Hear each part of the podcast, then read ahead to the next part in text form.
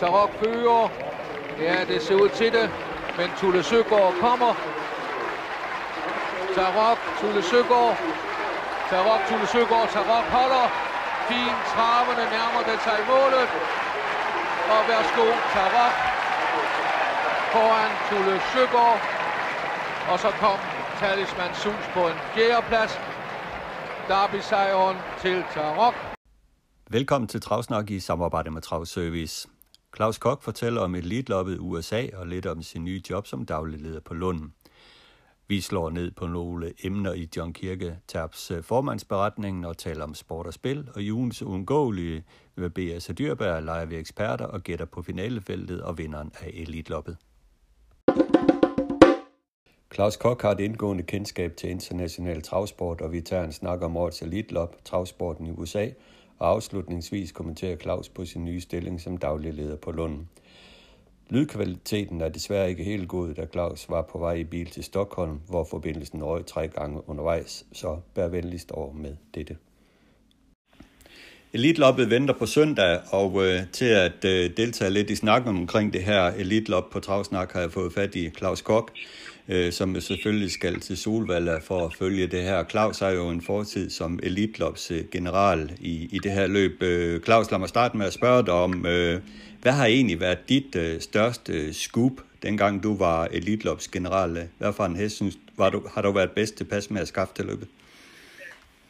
Altså, øh, jeg vil nok sige, øh, der, der, er, der er en hel del, skal man sige, øh, de store, men øh, skal man sige, spektakulære øh, øh, startende heste og indbydelser.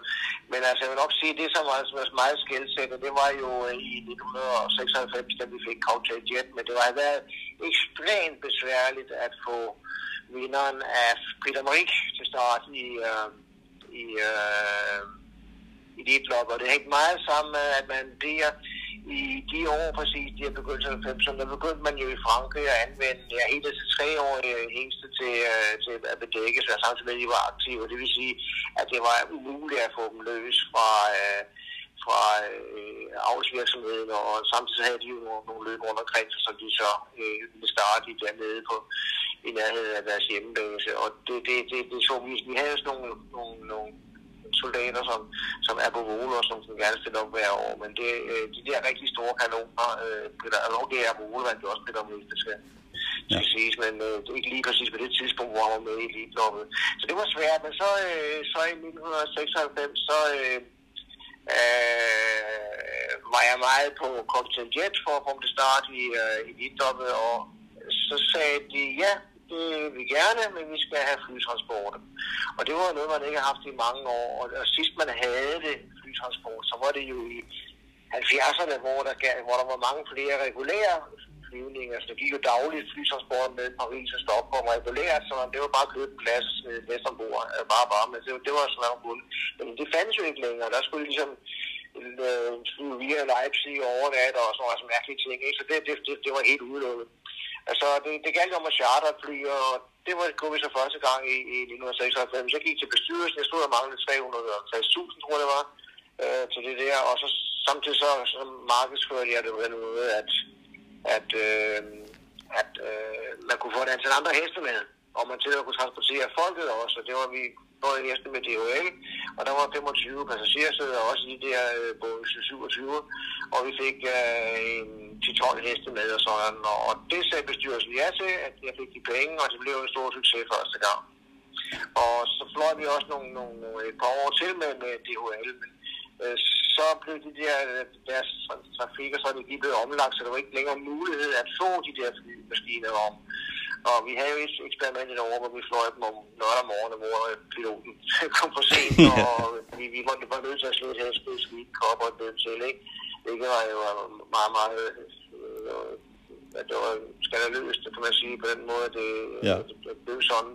Og det, det værste ved det hele var, det var, at jeg havde set det komme, at der skulle være et eller andet, altså, at det går go technical, som man siger, at det lige pludselig ikke kan starte. Derfor så, DHL havde en stor flåde, som var produceret der i, uh, i Bruxelles, og uh, så, så så så jeg til, at man havde et reservefly også, men det hjælper ikke, at man har reservefly, hvis man ikke flyet noget vejen, øh, piloten de dukker op. Og det var der skete derovre det. Og, og så samtidig så, så blev der en helt, altså det var ikke det, med det at gøre, men man lavede en ny struktur i DHL, og vi kunne ikke længere, fra, med året efter, kunne vi ikke længere anvende deres flyvemaskiner, så overgik vi til de her russiske Antonov 12 flyver, øh, men vi fortsatte faktisk med at transportere franske heste, og det gør man den dag i dag også. Ja, nu det er sjovt, du nævner Cocktail Jet. Den gav jo mig jo en kæmpe oplevelse, da den vandt elite men det var jo på et hængende hår, Claus. Jean-Etienne Dubois, han øh, kørte virkelig på de små marginale indledende, kom med på fjerdeplads ja, på målfoto. Hvad tænkte du ja, der? Præcis.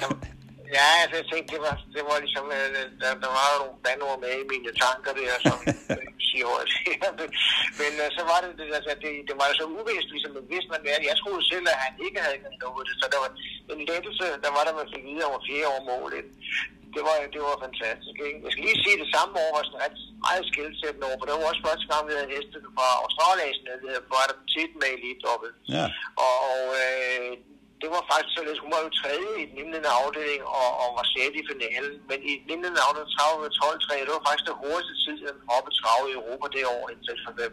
Man, man har fået meget af de heste herfra. Det var faktisk den hurtigste hop, vi havde på kontinentet i det år, ikke? Ja. Øhm, så øh, det, det, det glemmer man ofte, ikke? Ja, det er jo det. Øh, for, ja, så, øh, men øh, hun går jo fint figur, det, og det gav jo enormt, skal man sige, øh, eksponering i medier, for det var så interessant, ikke? Og det var en, en, sådan en sød lille hoppe med sort hoppe med en stor hvid blis, ikke? Så det var, det var noget, som man kunne sælge i medierne dengang. Ja, ja, præcis. Så 96 var et rigtig, rigtig godt det dit år. Ja, og jeg holdt i øvrigt ved Cocktail Jet som min favorit at spille ham finalen. Jeg tror, jeg fik seks gange penge på ham. Jeg var godt tilpas. Ja, og han kom flyvende her. Det var en fantastisk oplevelse. Altså, virkelig. Ja, og siden blev han jo en fantastisk avlsængst også. Ja, altså helt, helt mageløs avlsængst. Ja, ja. Men ellers, øh, hvis man så ser på, på årets øh, deltagerfelt, øh, hvad er så scoopet i år, hvis der overhovedet er noget scoop? Ja, der, det synes jeg egentlig ikke, der er. Det er et meget jævnt felt. Det er et ret ungt felt, vil jeg også sige. Og det, der er en hel del sådan nye heste, som, som ikke har været med i sammenhængen før. Altså, øh, det er jo frem altså, det er Jonas Transport og Bill. Øh, øh, hvad Hail Mary. Som er interessant. Ja, ja øh, Alred As og Husu. Ja, det er jo det. Øh, og, øh, og så er desværre øh, havde vi en, som, som forsvandt i dag i Extreme.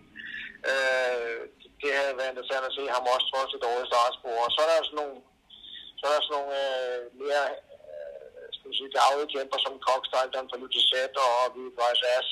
Øh, så det vil sige, det, det, der er jo mange nye heste, kan man sige. Det, det kan man måske kalde over skube, at det er unge og interessante heste, som man ikke rigtig kan, kan uh, sætte ind mod hinanden. Men man, altså, jeg synes, det er fantastisk. Altså, årets Milop er fantastisk åbent, og øh, næsten alle kan vinde, ikke?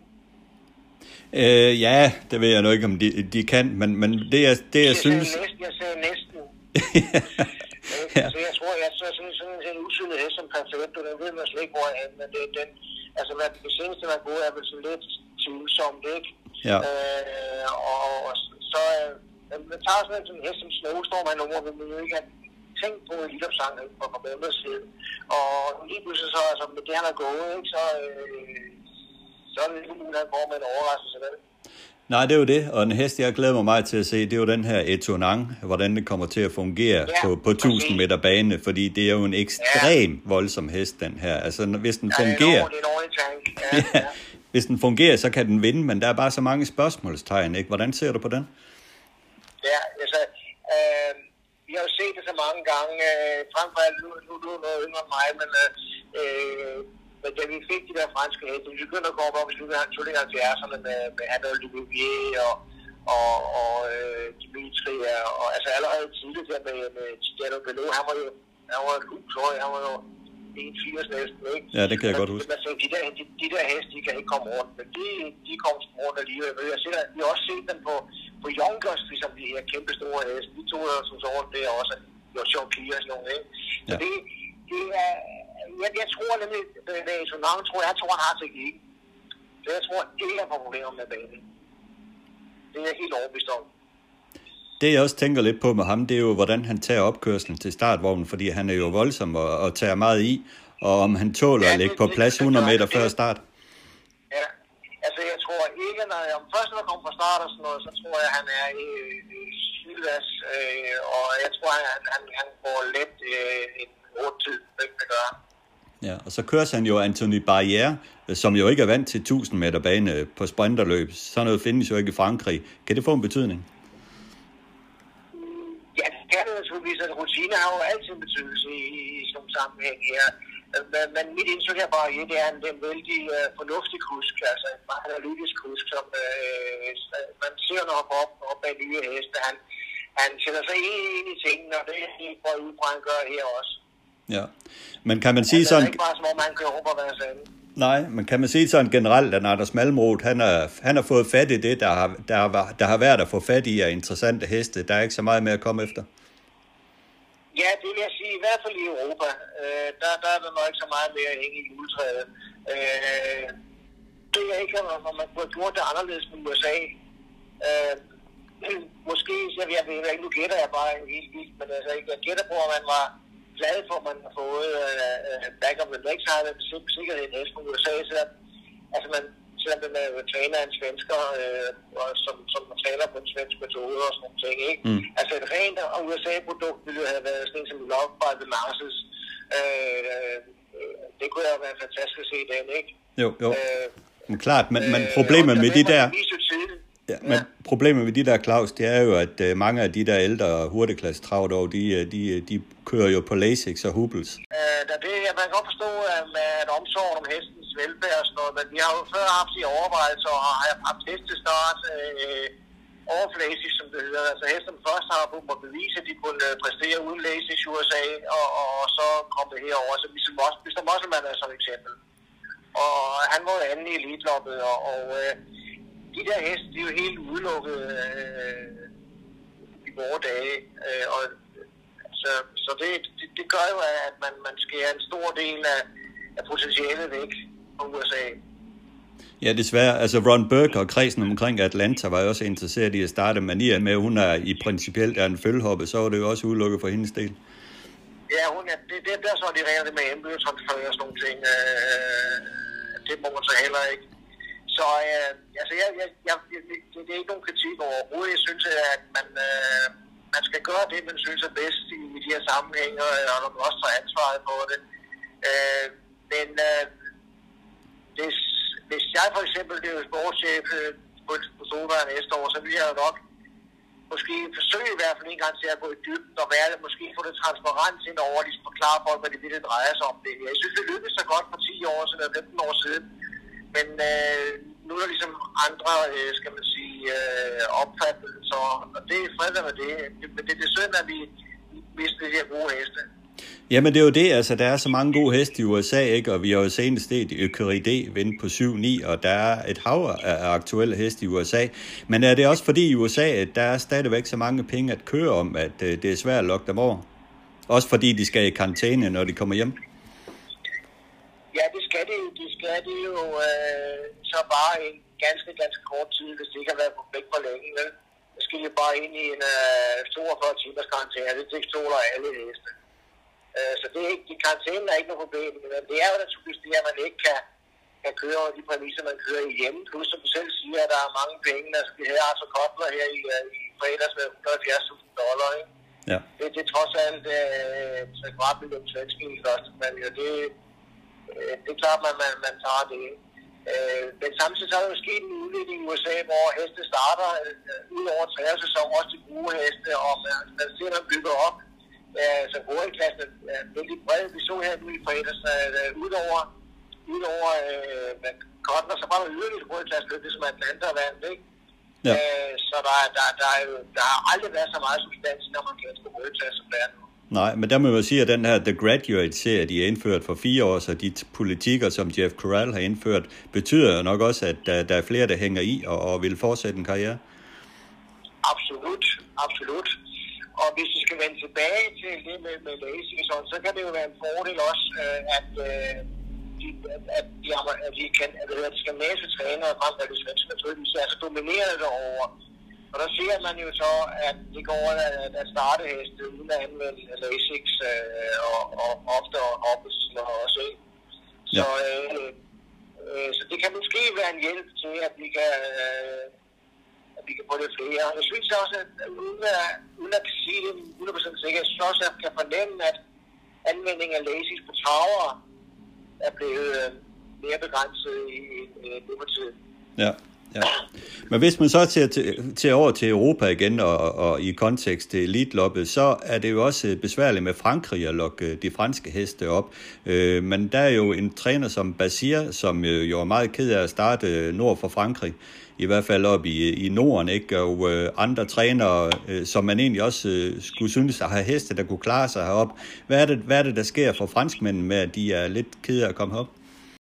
så længe man altså, må gentage dem, for længe man har forskellige regler og øh, ikke lykkes med at øh, assimilere sig til, til øh, andre lande, så, så får man de der reaktioner, som man desværre får i Frankrig. Men samtidig så er der jo andre, der kommer op og, og aldrig får en bøde af franskmænd, så det, øh, det er også lidt personrelateret.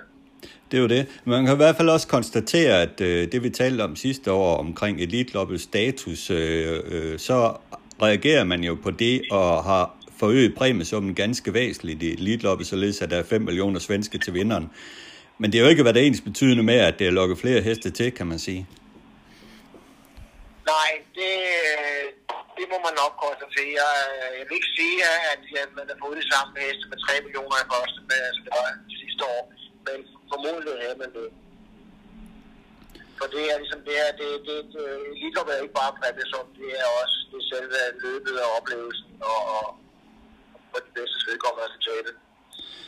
Ja, lige præcis. Øh, jeg synes også, det var lidt interessant i år med Copenhagen Cup, øh, som, øh, hvor vinderen Mr. F. Dark fik en invitation til elitloppet anden og tredje hesten, Kalle Crown og, og Stole Show var med i den her øh, folkets heste, udtalelseskonkurrence osv.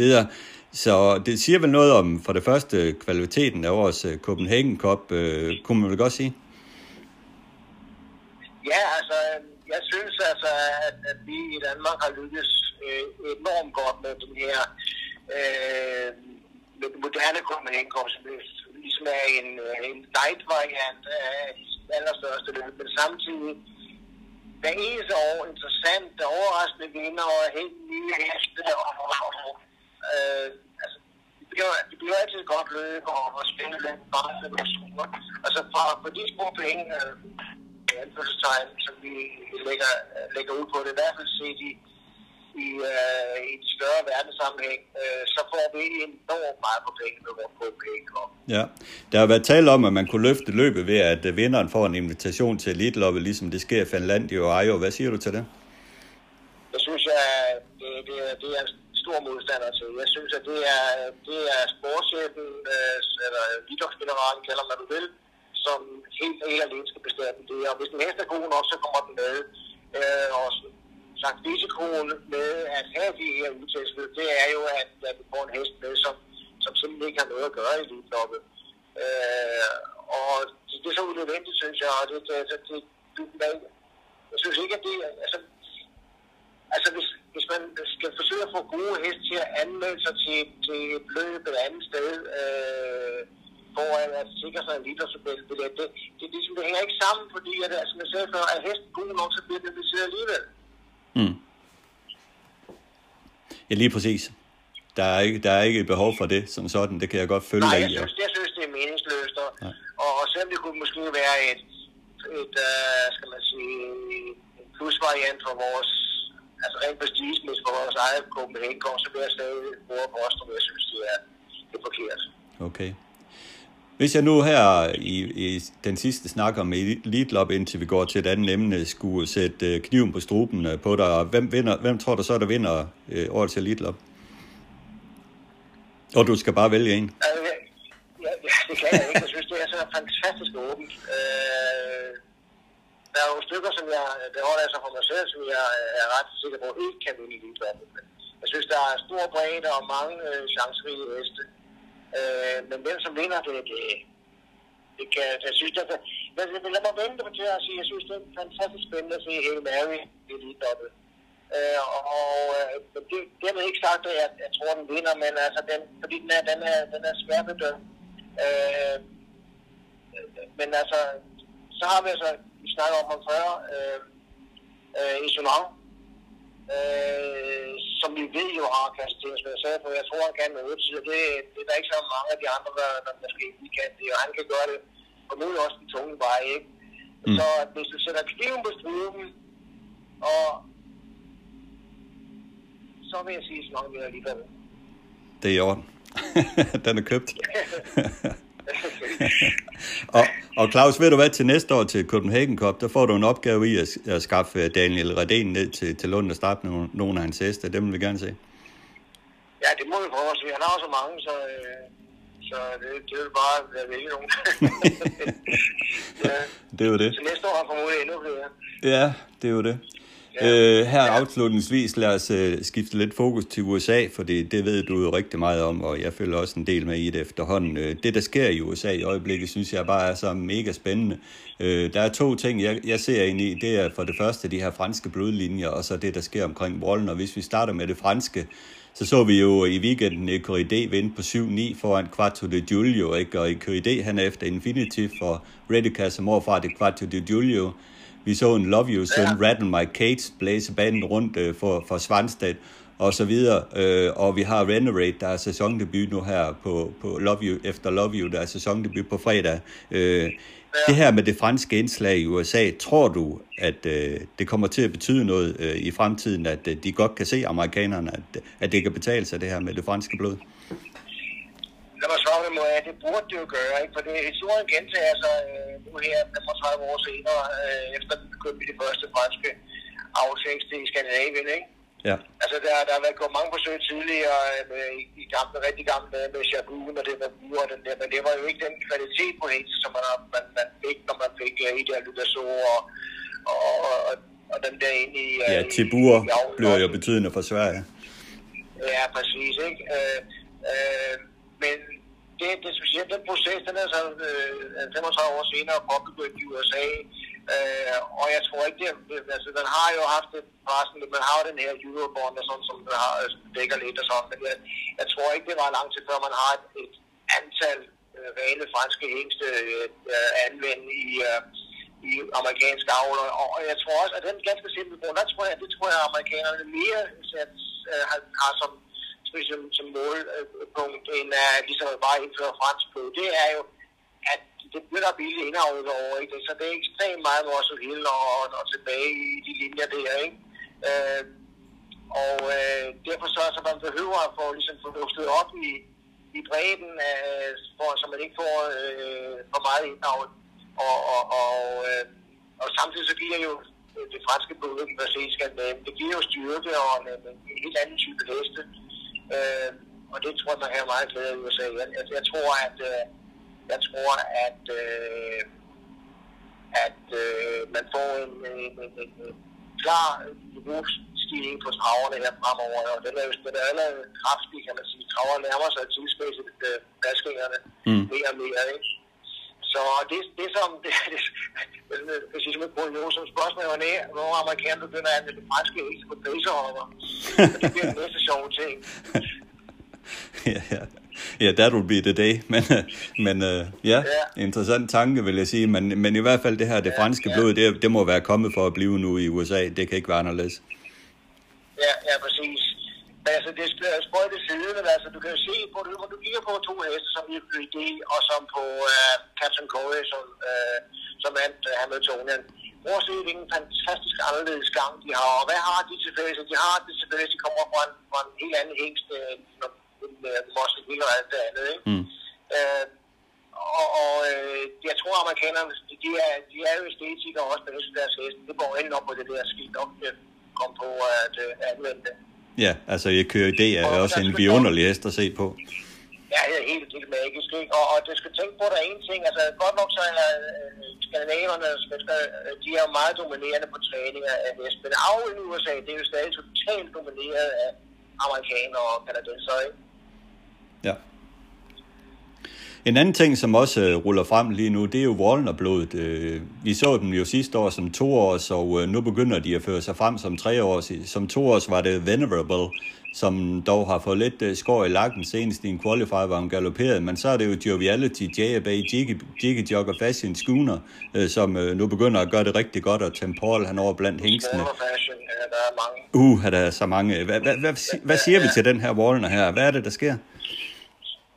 Ja, men øh, hvad skal man sige? Altså, jeg, jeg vil jo sammenligne den. Det, det, det er sådan, måske... Okay, han var en fantastisk mødelsest selv. Øh, men han er efter chapter 7, og så bliver man... Øh, man forstår jo, at Mosley Hill er efter Mosley Langley og Speedy og Speedy Scott. Ja, det, det var sådan naturligt, at, at de bliver aftager. Men chapter 7 er jo også, synes jeg, klart undervurderet også. Ja, ja, helt øh, men, men altså, jeg vil sige, at i Warners tilfælde, så har du en hængt, som er unik, for man har noget, han har noget eget, hvor det, hvor til det, det, det, det, det er opstået i hans krop i hvert fald, og, og så kan han nedarve det, og det er det, som er hemmeligheden, det jeg tror jeg. Ja, men det ser ud som om, at det, det er nogle helt specielle hester, især hopperne er gode, men det er jo også en kendetegn med Chapter 7, at der er jo rigtig god øh, til hopper, øh, så der må jo ligge noget af det der.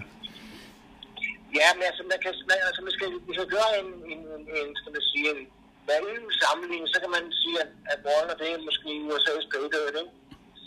At den, den eneste, ligesom, det, det er de perfekte traver, den der, øh, selv godt nok mellem, men altså alligevel, det, det er jo, det, det er så fine traver, ikke? Mm.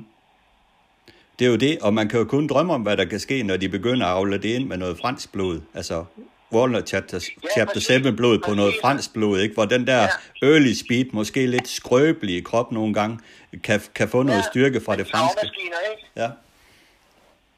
God længde beskrive på alle sammen, og ligesom, det, det, det, det er meget spændende. Øh, du har helt ret fokus der. Ja. Ja, altså jeg synes i hvert fald for mig, at USA blev en utrolig spændende inden for det seneste år. Også fordi, at, man, at, de har begyndt at køre rigtig pænt løbe kuskene. Vi ser jo ikke de der drivninger længere. Jeg synes, at man nej, er begyndt nej, at se mere og mere på hestens tag derovre, selvom, okay, de bruger lazy ja. supels, øh, de er hårde med medicineringen osv., men, men, men løbende ser pæne ud nu. Ja, altså, det er en ren fornøjelse at se, og altså, jeg, jeg, jeg, jeg, altså, jeg ved godt, der er mange, der ikke sådan er er så begejstret for øh, den, den kørsel. Jeg elsker at se løb på metal, altså hvad meget de her milebaner også. Og se de her, selvom de samme kuske, det er som, det, det er som et skakspil, ligesom, uh, det, det, er, det, er, det er taktik, og det er kundskab om konkurrencen, som så spiller ind der, og så jeg synes, de er så utroligt dygtige, de her øh, top øh, folk der. Og nu ser man også, der er jo ingen af dem, der løfter disken overhovedet. De sidder med bagvendt disker og øh, kører det med linerne, og, og ellers så, så er de hesten kan arbejde. Det er, det er dejligt at se. Ja, virkelig, virkelig. Og øh, det bliver vi bare ved med at følge med i. Men øh, Claus, du er på vej til, til Solvalder, og her, den, øh, vi kan jo lige slutte af med at lige så komme med en lille øh, recap på, at du er jo blevet ansat øh, som daglig leder på, på Salon Lund her per den 1. juni, og tillykke med det, Claus. Øh, hvad siger du sådan lige første omgang om den der titel, og vi skal nok tage en snak om omkring alle, alle Lunde tingene senere, men lige en første kommentar til det. Altså, det skal ikke være nogen hemmelighed, at jeg har, øh, jeg har drevet det her lidt, at altså, nogen har været uden uh, daglig leder, altså uden en direktør i, i uh, hvad bliver det, øh, Ja, siden december, ikke? 12 af det sidste, 12 af det sidste det er 22 måneder, ikke? Ja. Øh, og hvor er det sidste, øh, sidste halve år næsten nu, ikke? Øh, og det, det, altså, det, øh, trav, en travbane er en sådan kompleks virksomhed, øh, hvor det kræves mange beslutninger, både hurtige og langsigtede.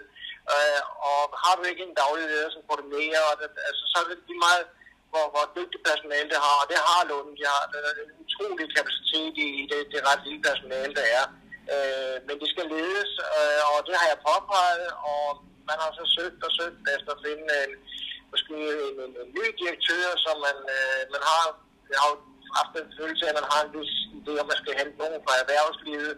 Øh, men, man siger, at det er svært for, for sådan mennesker, lige hvor dygtige de er, altså, at, at øh, tage travs verden og, og øh, skal man sige, øh, faktorer mm. til sig.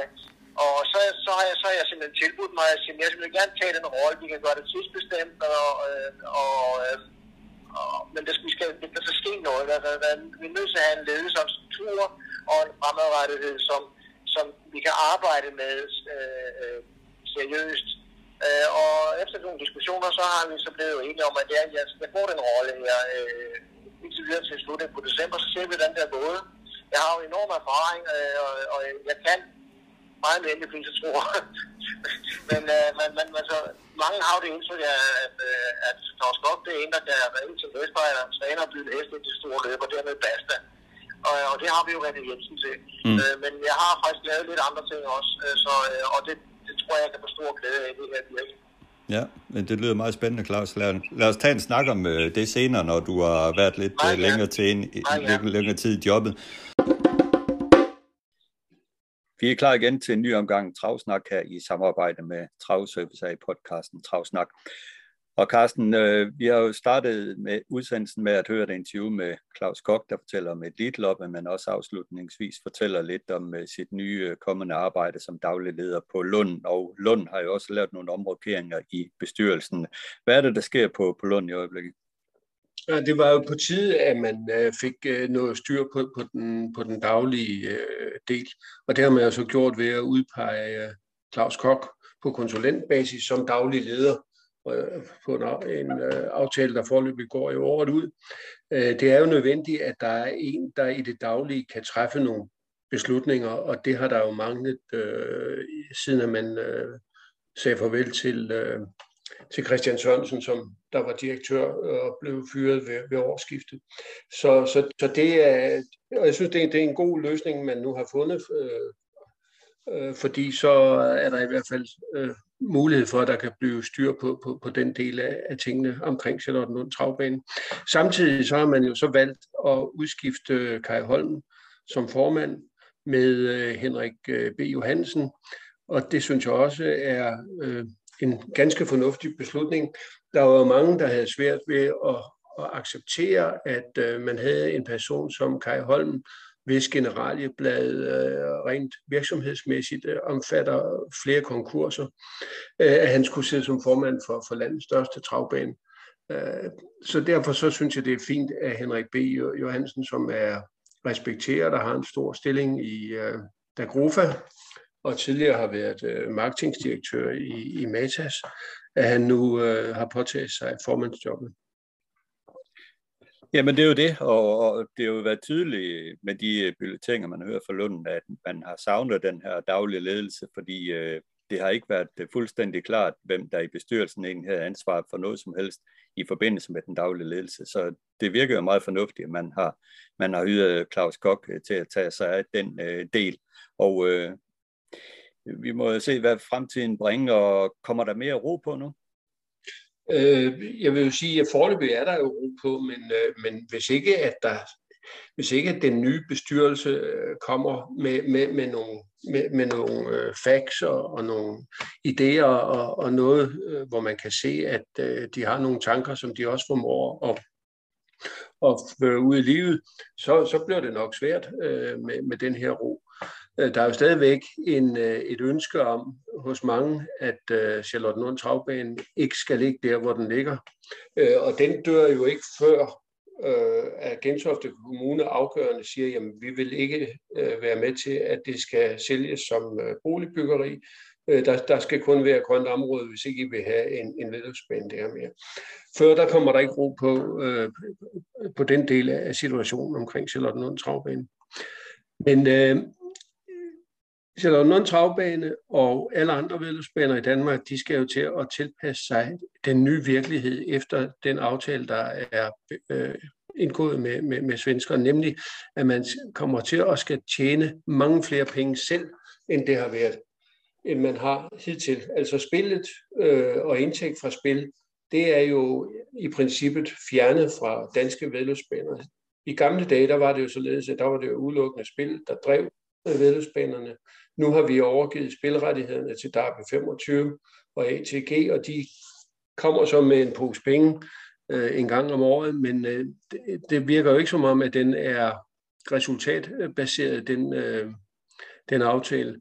Så, øh, så, så, så de penge, som det ser ud til, at de kommer med, er jo i hvert fald slet ikke nok til at kunne drive forretningen dansk hestevedløb. Det er jo det. Altså, vi har jo netop uh, læst uh, formandsberetningen John Kirketab fra den netop overståede generalforsamling i Dansk Hestevedløb, og han punkterer jo også tydeligt i beretningen, at, uh, at det er en anden virkelighed, som banerne ser ind i nu, hvor de piner er død skal ud og tjene penge selv, og det bliver altså ikke på spil, det bliver på andre kreative ting som sponsor og forenings sponsor og, og forretningsnetværk og andre ting, man, man kan tjene penge på. Ja, og det er pinedød nødvendigt, ellers så er det vedløbsbaner, der lukker, akkurat som, som Bilund. Og apropos Bilund, så er der jo ekstraordinær generalforsamling den 2. juni i det, der hedder Sydjysk Hestesport, og de har opgivet og, øh, og, og etablere en, en ny vedløbsbane i Bilund, så, så den idé ser i hvert fald ud til at være død nu. Ja, desværre. Øh, noget andet, som også fremgår af, af formandens beretning, det er, jo, det er jo det her med, at man, man, man vil se på, at man kan forlænge, man kan få forlænget den øh, kontrakt, man har med Kulturministeriet om, øh, om tilskud til, til hestevælvet sporten. Og øh, det, er jo, det er jo ret så vigtigt, at de her forhandler, forhandlinger kommer til at gå godt for vores fremtid. Det er klart, ja.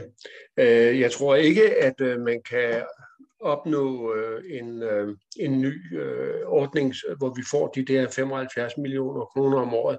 De aftrappes jo fra næste år ned til 60 millioner, og så igen øh, med, øh, med 25 procent eller 20 procent øh, øh, hver følgende år, indtil det er totalt udfase. Men jeg tror, at man kan få en ny øh, aftale, hvor man jo øh, får noget tilskud øh, baseret på øh, hvor mange udøvere der er inden for, for pony- og amatørsporten. Og det er den, der, der, der, der, der skal trække, øh, hvad skal vi sige, det økonomiske læs øh, fra, fra, fra, fra staten.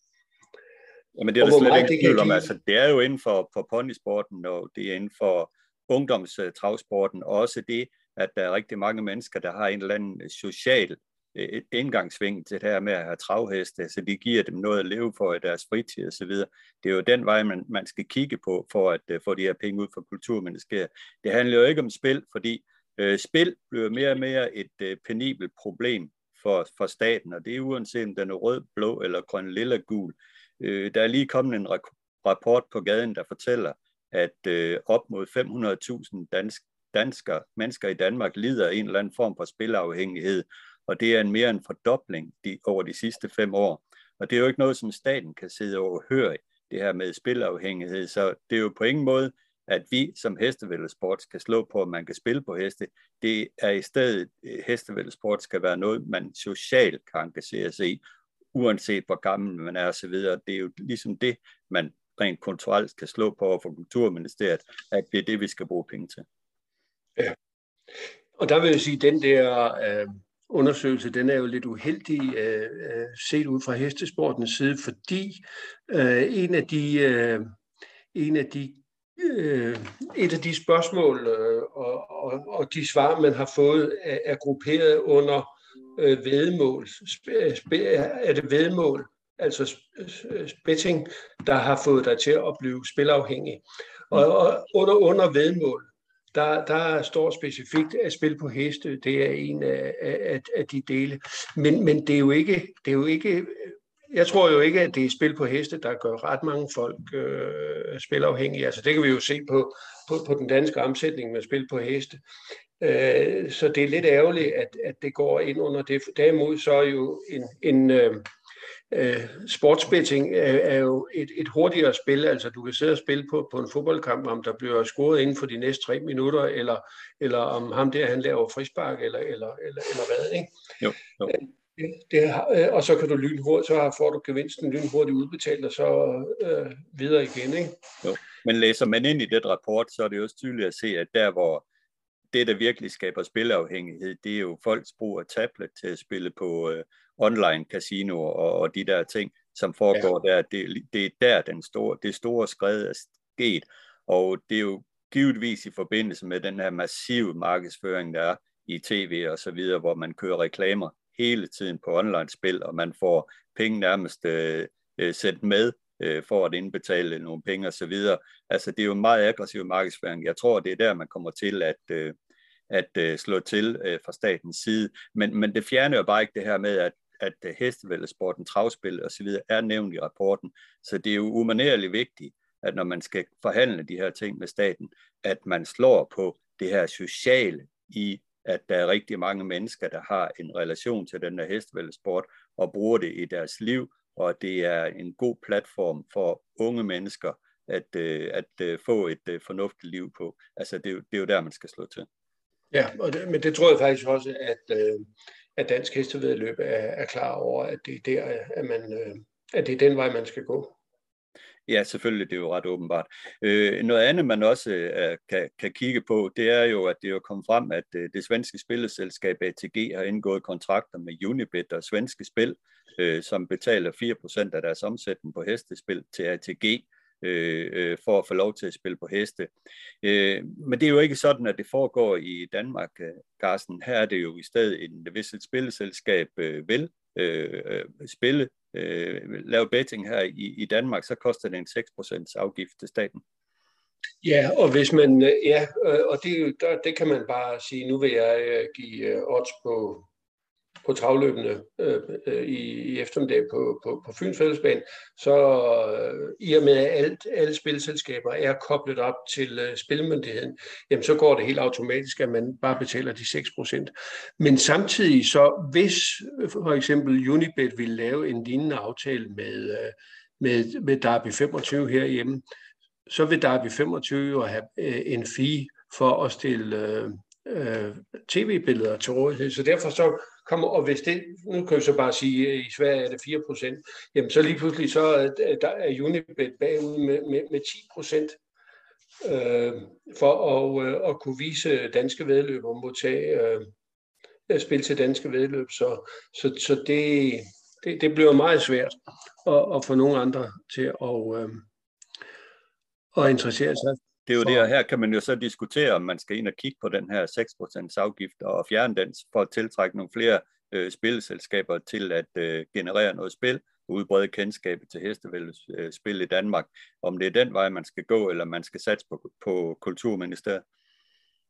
Ja, øh, man skulle nok øh, lave en eller anden, øh, anden øh, hvad hedder det, øh, afregningsform, øh, at det så var nettospilindtægten, at man betalte en, øh, en fee øh, for, og at så øh, at det var nettospilindtægten på øh, spil på vedløb i det hele taget, fordi der var ingen tvivl om, altså der blev omsat for cirka 130 millioner øh, på danske vedløb i Danmark.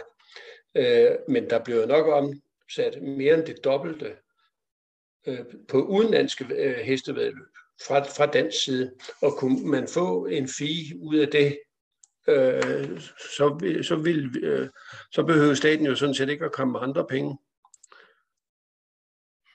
Nej, det er jo det. Og så igen, så lander vi på det her med spilafhængighed, og det man vil kigge på, og, og vice versa og så videre. Der er mange konflikter af det her. Ja. Det er det i hvert fald.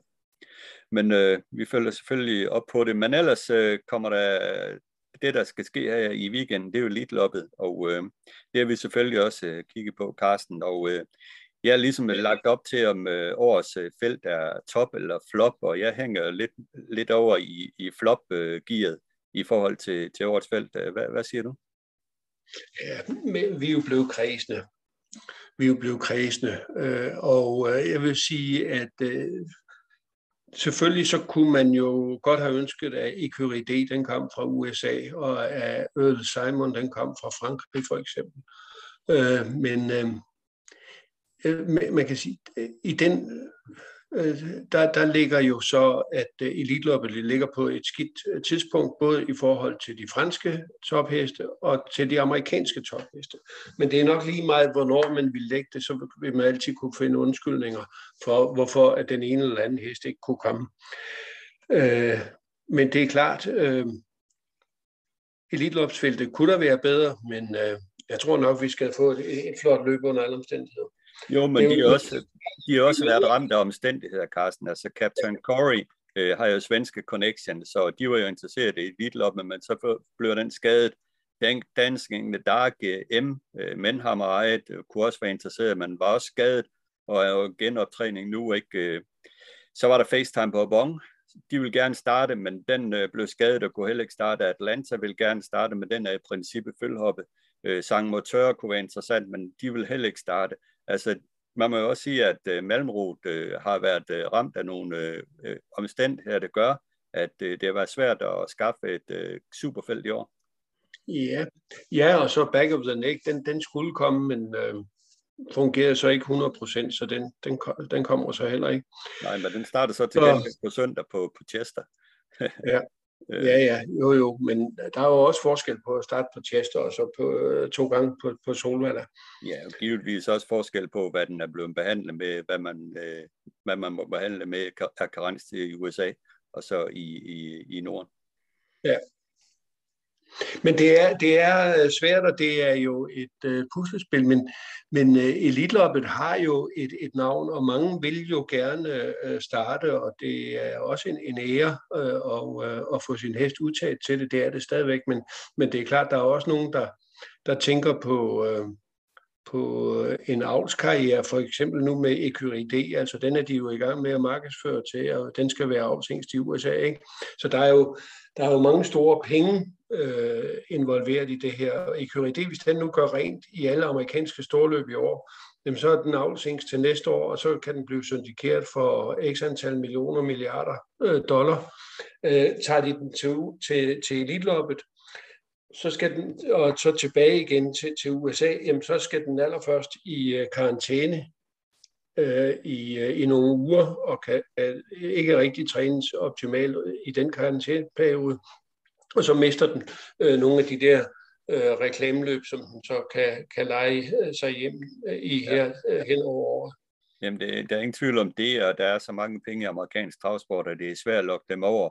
Og i og med, at fireåringerne også har fået deres graduate løbs på Meadowlands, hvor blandt andet Son of a Mystery, Venerate starter og andre, andre heste, der kunne være interessante, uh, så bliver det bare svært at lokke dem over. Det, det bliver meget svært. Ja, og i Frankrig, jamen uh, Basir har, har heste, der kunne klare sig i alle elitlop, men uh, han vil jo ikke starte uh, i Norden, fordi han er blevet uh, syv over blandt andet det, som uh, de, de svenske journalister skrev, efter elitloppet med Davison Dupont. Ja, øh, men, men han har jo jævnt været sur øh, på, på, på svensk travsport igennem mange år, fordi han har fået bøder, når han har været her. Ja. Der er selvfølgelig og også været... Ja. Jamen også, hvad hedder Erik Raffin, øh, øh, der jo blev øh, udelukket og fik piskebøde efter et par Olympia sidste år, ikke? Jo. Og så er der Soloar, der også har interessante heste, men han er udelukket heroppe stadigvæk. Ja, ja, Ja. Ethos Kronos uh, kunne være interessant, men den er jo uh, kommet til skade efter en behandling.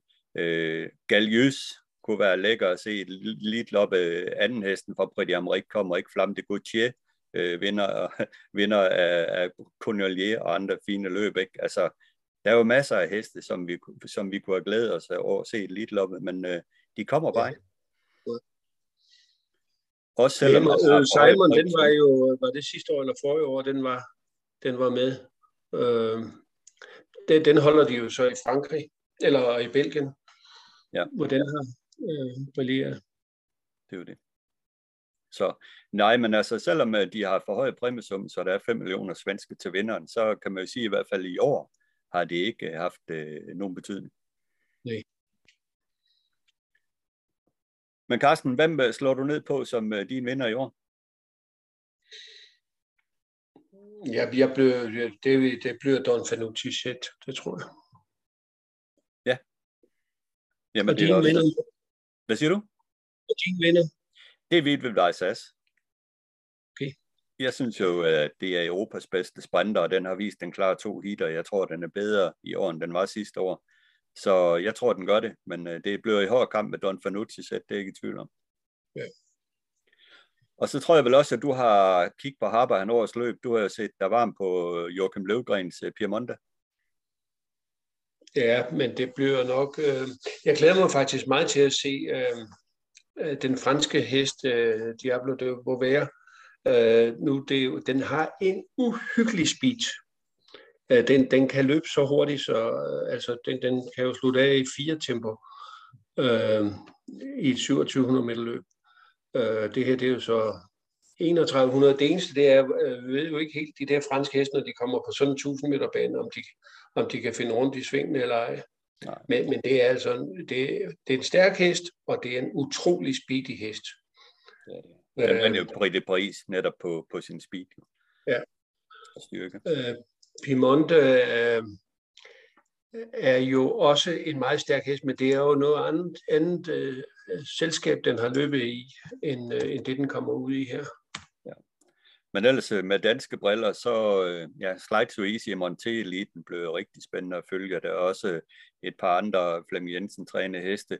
Så har vi Niklas Korfitsen deroppe med Legende CN, som, som også bliver ja. spændende at følge. Ja, det må være en stor vinderchance. Det er ja, jo bare ærgerligt, det er sidste løb, ikke? Jo, det er jo det. Og så er det jo, øh, hvad hedder det, Federer, som er opdrættet af Ole Havbro, og vi har øh, The Bald Eagle, der er opdrættet af Panamera Racing. Så lidt rundt omkring er der, der er lidt øh, danske connections deroppe. Ja, uh, The Bald Eagle, den er uh, afkrydset på 0,34 procent i for øjeblikket. så der skal man være patriot for at gå ind på den. Men øh, under den der, så skal det jo nok blive godt alligevel deroppe. Men ellers synes jeg lige, vi skal slutte af med at snakke lidt USA. Vi har jo en del allerede nævnt øh, Ikeri D, øh, som jo vandt på 0-7-9 på Meadowlands i sæsondebut, og øh, øh, imponerede jo, og den er jo dansk indregistreret, uanset om man kan lide det eller ej. Øh, så kommer den jo til at stå de danske analer med den her kort. Øh, hvad synes du egentlig om det? Jamen, øh, det er enten man kan lide det eller ej, så, så er den dansk, og, og dansk travsport får altså noget reklame nu her, fordi vi bliver nævnt som uh, The Danish Bread eller øh, uh, Ecuridé of, of Danmark. Ikke? Uh, så, så det, uh, det synes jeg sådan set, uh, nu er det som det er, og uh, det eneste, der jeg kan synes er lidt ærgerligt, det er jo, når, når den slags heste, som jo aldrig sætter sin ben i, i Danmark, kan sætte danske rekorder, uh, hvor jo så er, uh, hvad hedder det, at det ellers kunne have været en dansk hesteejer, der kunne være stolt over, at hans hest havde en dansk rekord. Ikke? Hmm. Det er jo det, men, ja, men jeg, jeg, jeg er fuldstændig enig, det er, det er lidt en underlig konstruktion, det der, men, men tilbage til løbet, så jeg kører D, Quarto de Giulio var anden, og der, der står jo Dubois ind over begge de der to heste øh, i, i stor stil, og de var jo begge øh, kanon godt gående. Altså amerikanerne, de må få mere og mere øjnene op for det franske blod. Jeg tror i det hele taget, så får de øh, øjnene op for det øh, europæiske blod. Det kan du bare se, øh, hvor mange, ikke hvor mange, men der er efterhånden afskillige følhopper, som jo er blevet solgt til, til USA her i år, hvor Thomas Svendsen, som jo en nordmand, der arbejder ved Nancy Takter, øh, men samtidig giver den lidt som, øh, eller giver den som, som agent, øh, køb og salg, både fra USA og til USA, har jo faktisk købt flere følhopper med henblik på at tage dem til, til USA. Mm. Øh, fordi der er nogen derovre, der har indset, at øh, for det første så kan de få det rimelig billigt, og, og, og der mangler akkurat, som vi har det herhjemme, der mangler de altså også heste i USA. Så derfor så har, har de jo købt øh, nogle hopper, og så fået måske noget, noget, noget nyt, lidt anderledes blod ind, end, end det, som de ellers kører på. Fordi de er jo også ved at være lidt trætte af, at, øh, det, at det er Muscle Hill og, øh, og Muscle Hill og Muscle Hill, øh, det kører ja. på. Lige nok det lige nøjagtigt. Men ellers øh, i aften, så er der jo øh, uh, finaler af New York Sire Stakes, øh, hvor Venerable skal møde Jiggy Jogger JB og Fashion Schooner, og det er jo uh, paraden der der går ud blandt hopperne, og uh, blandt hængsene, der er det jo Tim Paul, han over, der er stor favorit efter sine to seneste sejre, hvor den bare har blæst forbi fældet i opløbet. Så det følger vi selvfølgelig med i. Og så på søndag på Chester, der er der jo et løb, hurtigklasseløb med 100.000 dollars i potten, hvor sømmerne er blevet inviteret til at starte. Og for en gang skyld, så har den fået godt startspor nummer et, Sermon, selvom den ikke er for start, så er den der i hvert fald i den her gang i inderbanen, og Kasper Hoved øh, var vældig godt tilfreds med ham sidst, hvor den, øh, hvor den sluttede godt af bag Ecurie D, så Sermon til start her i et løb, og også back of the, øh, Next Starter og Love by the Masses, som er en af de hurtigste heste i år, også er til start. Og så kan jeg jo fortælle omkring Ebers Østervang, at den havde halsproblemer i sin sidste start, øh, er frisk igen, og man er begyndt at kigge på et løb til den hen på Meadowlands i næste uge. Det var ligesom de rapporter, jeg har fået fra, fra Kasper Fod i USA, øh, der jo de i går øh, havde pæn succes, øh, også på banen i Chester. Øh, har du ellers andre kommentarer til USA, Carsten? Øh, nej, ikke udover, at nu, nu kører det jo rigtigt på med, øh, med øh, sejrstæks og, og storløb og nedtælling til, øh, øh, til, til Hamiltonien. Øh, toringerne, de amerikanske toringer, de må begynde at, øh, at, at gå babyløb her efter 1. juni, og det bliver også øh, spændende at se, øh, om der, hvad det er for nogen, der dukker op nu her i år. Jamen, det er jo det. Altså, vi, vi kommer til at kigge ind i de her Wallner igen, uh, chapter 7, men der kommer også nogle uh, nye hængste frem nu her med, med deres første Ja. I Frankrig, der har de jo, der uh, kører de jo to års uh, kvalifikationsløb på, på livet løs. Og der er det faktisk interessant uh, at uh, se, uh, at Redicas, han er den hængst, som har flest uh, godkendte nu her. Han, hans hans uh, to og uh, hans tre hans treårsårgang har jo ikke rigtig været øh, noget særligt. Øh, så nu bliver det spændende, om der, om der dukker nogle toåringer op efter ham. Ja, det er jo ligesom været som om, at det er hans sønner, der ligesom er taget over nu øh, og, og fjernet ham lidt fra tronen dernede. Ja, det, det er det. Ja. Plus Men, øh, også øh, nogle øh, Love You-sønner, øh, og, og Love You selv øh, har jo også lige pludselig fået et, øh, men det er mere, det er jo en, nogen at, øh, hvad hedder det, Bert Parker har jo en, en kanon fireåring, øh, og øh, men med treåringerne, der selvom øh, der er nogle af hængsene der, der har øh, øh, dollarmarker for eksempel, har jo en, en kanon treårs, øh, så Love You at, at den førende avlshængs med hensyn til, øh, til treåringer i år, selvom han ikke har nogen øh, sådan ultrastjerne, men han har en, en meget stor bredde på, på sin øh, treårsårgang. Ja. Han er en fantastisk avlshængst, og det er jo imponerende en hængst, som, som er midt i 20'erne, at den stadigvæk kan blive ved med at producere topheste og, og, og vise kvaliteter, der rækker i moderne travsport. Det må man sige. Men det gjorde hans far jo faktisk også, Cocktail Jet. Ja. Den har jo også været en, et, et fantastisk... Øh, og nu er det jo så hopper efter cocktailjet også, som jo i hvert fald uh, uh, dominerer meget ofte. Ja. Og nu du nævner cocktailjet, så runder det jo meget godt uh, vores snak af, for det er jo den hest, som Claus Kok uh, indledningsvis fortæller om, at uh, var hans største skub i sin tid som sportschef på Solvalla, da, da han lykkedes med at få den bragt til start i 1996. Carsten? Det var en uhyggelig speed. At, Ja, den glemmer vi ikke. Den glemmer vi ikke, nej.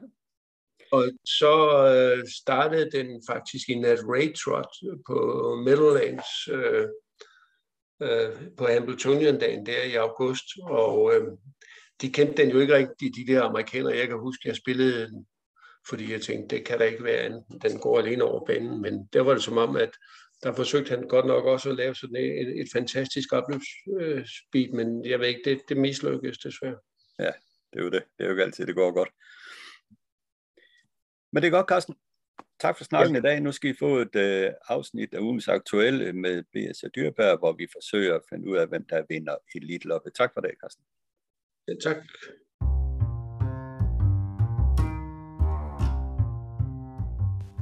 Ugens aktuelle med B.S. og Dyrberg. Ugens aktuelle med B.S. og Dyrberg blev i dag optaget i Stalrum ved Bent, som er ved at gøre sig klar til at rejse til Fyn med Flagerdost til, til DM for hopper. Men det vi skal tale om i dag, først og fremmest, det er jo Elitloppet, og øh, det er jo et arrangement, som øh, Bent, du øh, næsten altid er op at se. Hvorfor? Jamen, jeg, jeg er så fascineret af, af de der fine heste, kuske, stemningen generelt. Øh, det, for mig der er det jo verdens største travløb, men jeg har så aldrig været i Amerika og se Hamiltonian, eller for den sags skyld har jeg heller ikke været til Prix d'Amérique, jo. Men øh, ej, de, alt er jo samlet der, øh, alle mulige travfanatikere, og prøver jo på at få de bedste heste frem nogensinde. Der er PT i verden, ikke? og især med den præmie, som man kører om i år, de 5 millioner til vinderen. Ikke? Øh, der mangler selvfølgelig lige en amerikaner eller to, som sædvanligt ikke jo, men Ja. ja. de har jo åbenbart ikke vist formen, ellers havde de jo været her i år. Måske. Det ved man jo ikke, hvad der ellers ligger til grund for Nej, det. nu så vi jo øh, en EKID, der sæsondebuterede på verdensrekord. Ikke? Ja. Det var sjovt, den havde startet på søndag. Ikke? Jo. Men øh, Jo. sådan er der så meget, og den er kommet sent i gang, og det er jo derfor, den ikke er her selvfølgelig. Ja. Øh, men du har jo tidligere selv øh, haft det held, at øh, har vundet med en hest. Du har trænet i Elite Weekend med Noxinil, der vandt øh, Monté-eliten. Øh, det glemmer vi jo ikke. Nej, det glemmer jeg heller ikke, fordi det er så stort. Det var en sommerdag, med, som det skal være, når der er elite op, ikke? Ja. Det med 30, 32.000 på lægterne, der skreg og der råbte, ikke? Og man kan løbe deroppe af til vindercirklen. Jeg stod nede på staldterrænet der, da den kom sidste sving rundt. Det tror jeg var tredje mål, faktisk, ikke? Så, ej, det var fantastisk stort. Sikke en oplevelse, ikke? Altså, det gælder jo også for rytteren, ikke? Og hestejeren og... Ja. Ja, det var, det var fandme stort, det må jeg nok sige. Det vil man jo gerne prøve igen sådan noget, jo, ikke? men det er svært jo. Men Ja. ja. jeg har trods alt prøvet det. Ja, men øh, du kan jo øh, få flagdost øh, gjort Monté klar, så få Maria ud med den, så kan det jo være. Det kan nemt ske, det kan nemt ske. Jeg kan også selv komme ud med den. Så nu må vi se, hvad det ender med. ja, det er jo det. Men Bent, vi skal jo prøve at være lidt eksperter her omkring Elite-loppet i år. Der er to indledende hit, som, som det plejer at være. Vi skal prøve at, at, at ramme de der fire, der går videre til finalen. Og øh, du kan jo starte med den, du vælger først i det første heat. Jamen altså, jeg, jeg er nødt til at... Jeg tror i hvert fald, den går videre, det er Don Fanucci selv, ikke? Den her lignende betingelse sidste år, da den vandt elite loppet, ikke? Og det var også fra spor 8, jo ikke? Jeg kan ikke huske, om den havde det i indledningen også.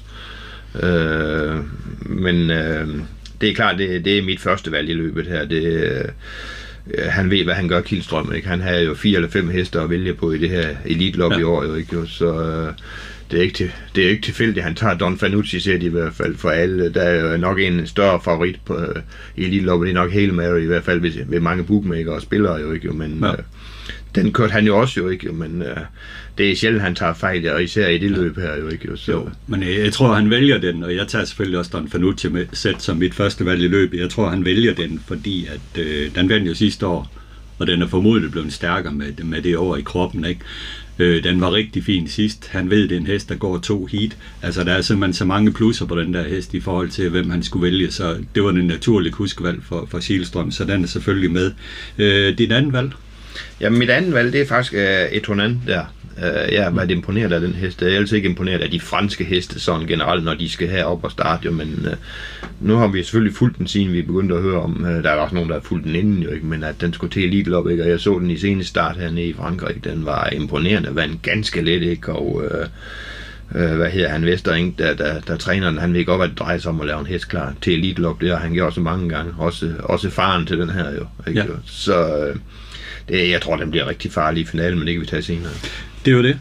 Men det vil sige, at den vælger jeg så ikke. Jeg tror, ikke, den, jeg tror simpelthen ikke, den kommer til final. Jeg tror, det er hekser for den. Øh, jeg tror simpelthen, at øh, der er to ting i det. Øh, det ene, det er, at den skal være på plads 100 meter før start. Den har et voldsomt temperament. Det kan blive svært at kontrollere den. Der er galoprisiko, der er galoprisiko i svingene osv. Men medgiver også, at det er nok den stærkeste og bedste hest af samtlige deltagere i elitloppet.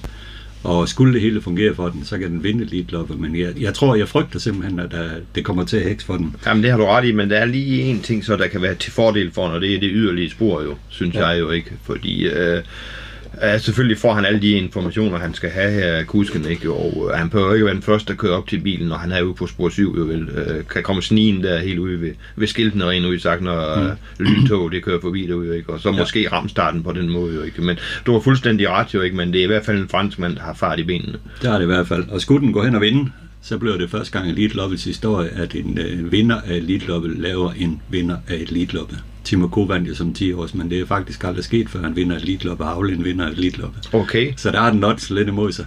øh, det må man sige, ja. men der har vi jo en hest mere, vi kan snakke om, hvad det angår. Så, men mit andet valg, det bliver Cockstyle. Jeg synes, den imponerede dybt i øh, Finland. Der vandt den helt let på en 9-tid, uden at være kørt i bund, så det ud til. Den går også to heat. Det har den vist før. Er elitlavsvinder. Okay, der var andre mål, men er elitlavsvinder. Og øh, det er i mine øjne en, en kæmpe chance, Kokstein. Ja, men det har du fuldstændig ret. Det bliver mit tredje valg også, når vi kommer dertil nu. Ikke? Den, øh, den har hårdheden, som du siger. Den har kusken, der, der kender banen og, og kender hesten også. Ikke? Det var jo Christoffer, der fik sejren med den også, da ja. Propulsion blev disket. Ikke? Jo? Og øh, det er godt markerpar. Det er selvfølgelig derfor, han kører også. Jo, ikke? Så fuldstændig enig i, at, at den i hvert fald ender i finalen også. Jo, ikke? Men... Øh, så kommer vi til fjerde hesten jo. Øh, Jamen nu kan jeg Nej, vi skal have din tredje hest. Det, det er Øners Prins. Det er Øners Prins, ja. Jeg synes, den øh, gik rigtig godt sidst på Ørebro. Den er født i spids fra, fra indersport, for inderbane løb undervejs, og på den vej, så, så, så ser jeg den simpelthen som, øh, blandt, øh, som et rigtig godt emne til at gå videre til finalen. Og Per Nordstrøm har jeg bare vist, at han er en sublim træner, der, der evner at have sin hest på top. Om den går to hit, det ved jeg ikke. Men i hvert fald det her hit, det kvalificerer den sig på. Uh, det er jeg ikke enig i. Jeg synes, der er for meget paydirt i dem, der kan huske paydirt, så giver de sig, når der mangler 100 meter, ikke jo? Ja, den har en lille tendens til at vil lægge af op mod mål, det giver det ret i, og derfor tog han jo også 20 meter sidste gang ned i sidste sving, for ligesom at uh, have, have, en gardering. Ja. Uh, det kan han jo selvfølgelig få svært ved at gøre mod de her Dem her tager han ikke 20 meter væk fra ind på lige det tror jeg ikke på, jo. Nej, det er rigtigt, men jeg tror til Og med en udvendigt på sig de sidste 1000, så tror jeg simpelthen ikke, den kommer i mål. Jeg håber, ja. det får Per Nordstrøm, det, ja. har, det har du ret i, jo ikke? Men ja. der er jeg nok mere til... Øh, Øh, jeg synes, en hest, der har lige pludselig kommet ind, og sjov er det med de der, der, der kommer i sidste øjeblik, og det er clickbait, mm. viser stor form lige pludselig. Ikke? Øh, også lidt spidsafhængig, det får den ikke derudfra, men den har altså også gået fra ryg, jo, ikke? og som jeg siger til dig, så øh, har den ramt en form top, jo ikke, og øh, Tarzan Melander, der, han øh, ved også, hvad det drejer sig om, når det, når det er elite jo ikke, og, ja. Øh, han var jo ikke tvunget til at komme i det her løb, jo. Øh, det er kun en uge siden, den vandt jo. Ikke? Ja. Men øh, han gør det, fordi han tror på det. Det, det tror jeg helt afgjort, og, og det er min fjerde hest til finalen. Ja. Fordi øh, den får alle der en god position, for den kan virkelig åbne også jo. Ikke? Ja. Øh, den kan selvfølgelig være uheldig at havne i døens, men det tror jeg, der, der er andre, der godt vil sidde derude jo ikke jo. Ja. Og så er der jo det ubeskrevne blad fra, fra Canada, men jeg tror ikke på den slags heste. Det ser svært ud. Den kommer selvfølgelig mange, mange flotte tider, men det kan man jo ikke lægge så meget i. Øh, præstationsmæssigt har den jo ikke vist noget, der ligesom kvalificerer sig til den. Men mit fjerde valg er egentlig også øh, clickbait på stabiliteten, og i og med, at den jo var... Øh, var også med i Elite sidste år, hvor den øh, kvalificerede sig videre til finalen og gik øh, ganske udmærket løb, øh, og det kan den gøre igen, men det er i hård kamp med Brother Bill, som viste stor form sidst, men den har, den har et vanskeligt sind, og det samme gør så også gældende med Vanessa Skrif, som også har det, det vanskelige sind, og ikke gik specielt godt sidst, så det bliver og så... der er vel lige det også med, at uh, Brother Bilder, den har selvfølgelig godt spor, men den passerer jo ikke Øners Prins jo. Vel? Nej. Og uh, det er klart, han er nødt til at dreje ned i ryg på, på Øners Prins, og gør det nok også jo ikke. Jo. Men hvad sker der så, hvis Øners Prins har... Uh, jeg ved jo ikke, det er jo ikke en dårlig hest, men hvis den nu ligger af de der sidste 50-75 meter, ikke, så sidder han der jo, ikke, ja. jo. Så har jeg lidt mere fidus til, at uh, Clickbait kommer til at sidde måske i anden spor et sted jo. Ja. Så ja. hård kamp om den fjerde plads. Det er jo det. Det er et åbent løb bag ved Don Fanucci sæt. Anden afdeling af Elite-loppet, her er Extreme så desværre udgået, og det, det græder vi over. Men øh, sådan er det. Øh, vi skal vælge et øh, første valg her, og øh, der kan jeg jo så starte med at sige uh, Hail Mary. Det er jo selvfølgelig en naturlig første valg efter dens øh, sæsondebut. Øh, senest dog øh, kører sig sådan. Jeg fører mine kilder har jo fortalt mig, at Bjørn Gub blev spurgt, om han ville øh, køre Hail Mary af Daniel Redén, men han stod selvfølgelig ved sit valg med Extreme. Og øh, ja, så blev det så Adelson, der fik chancen. Men Hail Mary er en imponerende hest. Øh, stadigvæk ret øh, tungt balanceret og så videre, men den så rigtig fin ud sidst, og det er jo et naturligt førstevalg. Det er det absolut. Øh, den, den har alle dage haft tårnhøj klasse, og den kan jo ikke gøre det meget bedre, end den har gjort ved Robert Berg. Øh, faldt så bare helt væk sidste år jo, ikke? og så vælger man at flytte hesten, og, og det er jo sådan set fint nok. Ikke? Jeg hørte faktisk et interview med, med Dan Redin i går inde på, på ATG, øh, hvor de sad og snakkede med ham, og han sagde, at hvis han havde fået et tilbud om at få den direkte efter fire sæson, så har han sagt nej med de præstationer, den har lavet. Men han synes godt, han kunne tage imod den, når den nu har haft et, et negativt år, jo ikke jo. Mm. Men, øh, men sådan er det så meget jo, ikke jo. Men øh, ja. den, den, jamen den er jo det naturlige første valg, det har du ret i, jo, men øh, det var først start, vi så den i sidste år, mm. ikke? men den, det er jo hesten, der kan sidde udvendigt. Ja. Og, øh, og Men vi ved jo ikke, hvordan den fungerer på to heat. Øh, det ved vi slet ikke jo. Ja. Øh, og den har altså et temperament, der også kan give en galop ja. op mod bilen. Ja. Ikke? Øh. Ja. Og det kommer også til at influere på, hvem jeg vælger som den endelige finalevinder. Okay. Øh, det kommer vi til. Ja. Øh, fordi ja, det, det er min heatvinder her, men det er ikke øh, nødvendigvis min endelige finalevinder. Men øh, lad os tage den senere. Men vi er begge to enige om hele Mary, det, Ja, er, det- det er første valg. Det er vi, det er vi, ja. Godt. Så tager jeg nummer 7, Vivid, Vivid Vajsas, øh, og det gør jeg, fordi at øh, jeg synes jo, at det i bund og grund øh, er den bedste sprinter i Europa lige nu, når den fungerer på top, og jeg synes, at den har været øh, klar forbedret længe. Det ser ud som om, at de er styr på de der hovproblemer. Den, starter, den tåler at starte nogenlunde kontinuerligt. Og øh, og så kommer den her med lidt pause i kroppen, og den har altid været god efter lidt pause. Øh, Vivid Vajsas øh, var sidste år anden i elitloppet, og jeg tror, den er bedre i år. Så Vivid Vajsas øh, mener jeg er en top chance at tage den med som et andet valg i løbet. Men er selvfølgelig, spor 7 kan den drille lidt, men, øh, men jeg, jeg, jeg håber og tror på, at det løser sig. Hvem er dit andet valg? Ja, det er, jeg tror, jeg tager en dobbelt redén. Jeg tager Snowstorm henover. Ja, Jeg er imponeret af den. Nej, jeg har altid vel øh, fuldt den hest. Men det er nu mere fordi, at der var en overgang, jeg tænkte, den må han snart vil sælge. Vi skal til Danmark og gå hurtigt løb. Fordi den fungerer jo aldrig ved Melander. Jo, vel? øh, og det var jo en tophest i Amerika.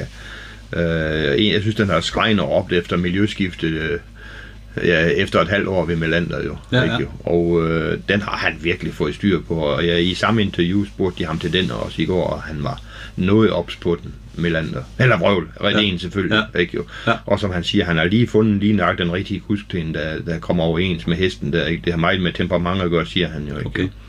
Øh, spor 1, den kan åbne. Den får jo øh, lige ved at sige ryg på hele Mary her, ikke? Jo. Ja. Ja. Måske jo. Ja. Ja. Ikke? Hvis der, med mindre er nogen, der tør at svare den der hele Mary, så tror jeg sgu ikke, de kommer i mål, rent ud sagt, hvis den er fejlfri. Men øh, øh, jeg tror, den, den lurer med det, og den har lavet nogle fantastiske afslutninger. Øh, lige at sige, har vi set den i spids ved, ved Redén? Det har vi jo ikke endnu, jo, vel, hvor den måske er endnu bedre, men det får den jo ikke her. Men jeg tror mindst, den får ryg på, på hele Mary, og så tror jeg, den følger den hele vejen ind. Ja. Øh, det er mit andet valg. Øh, ja, og det bliver så mit tredje valg, Snowstorm henover. Det er jo en utrolig rutineret hest, og man kan se 111 start, og det er en, øh, det er en kæmpe, den her, som Reden har fundet løsningen på.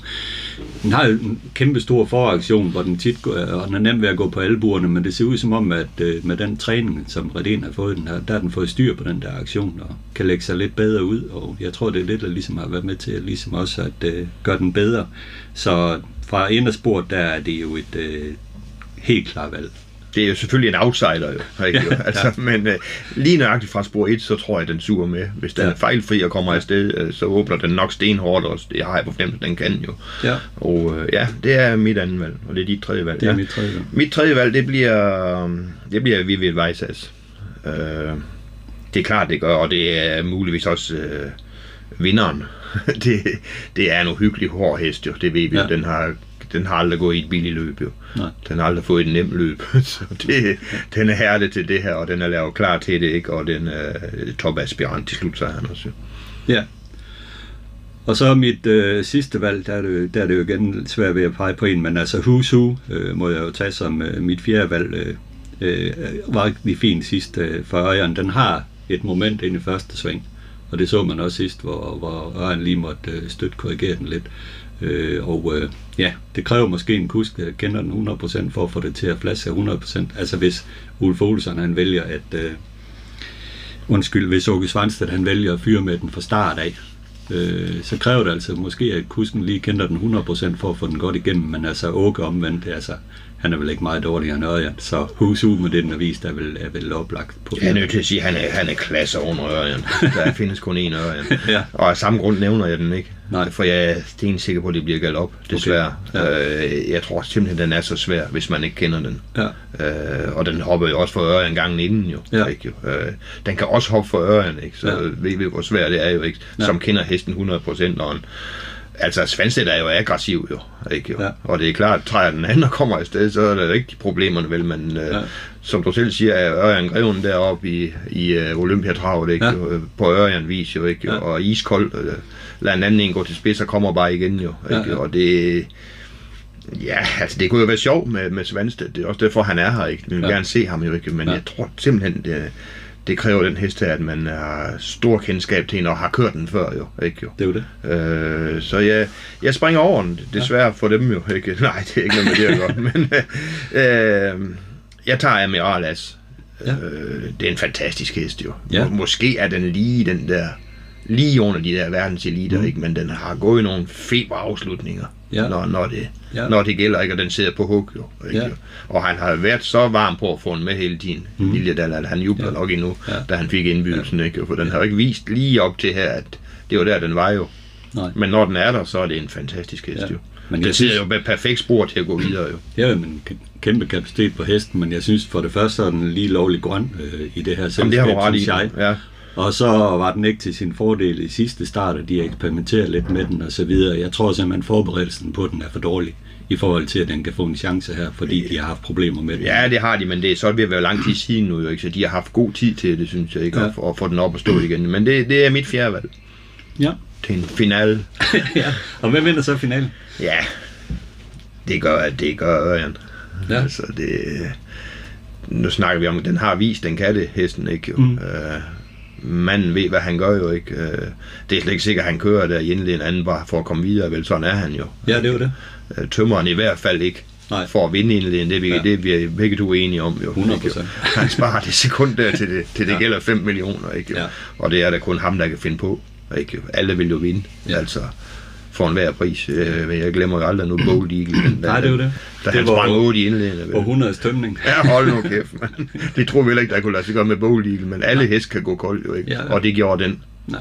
Men det er jo Ørens fortsat det der med, at øh, Jamen, det- tømme hesten. Ja, men det er jo igen det, altså han havde jo valgt imellem, vi, vi, vi ved godt, han kunne have kørt hele med, han kunne have kørt husu, ikke? og han tager Don Fanucci sæt, og det ved han godt, hvorfor han gør. Ja. Ikke? Ja. Øh, det er min vinder i Elite. Ja. Ja men det, Det kunne være sjovt med en anden, måske, det ved Ja, jeg ikke. Men nej. nej, lad den bedste Ja. hest vinde jo. Ja, det er jo det. Og bedst kusk jo. Ja.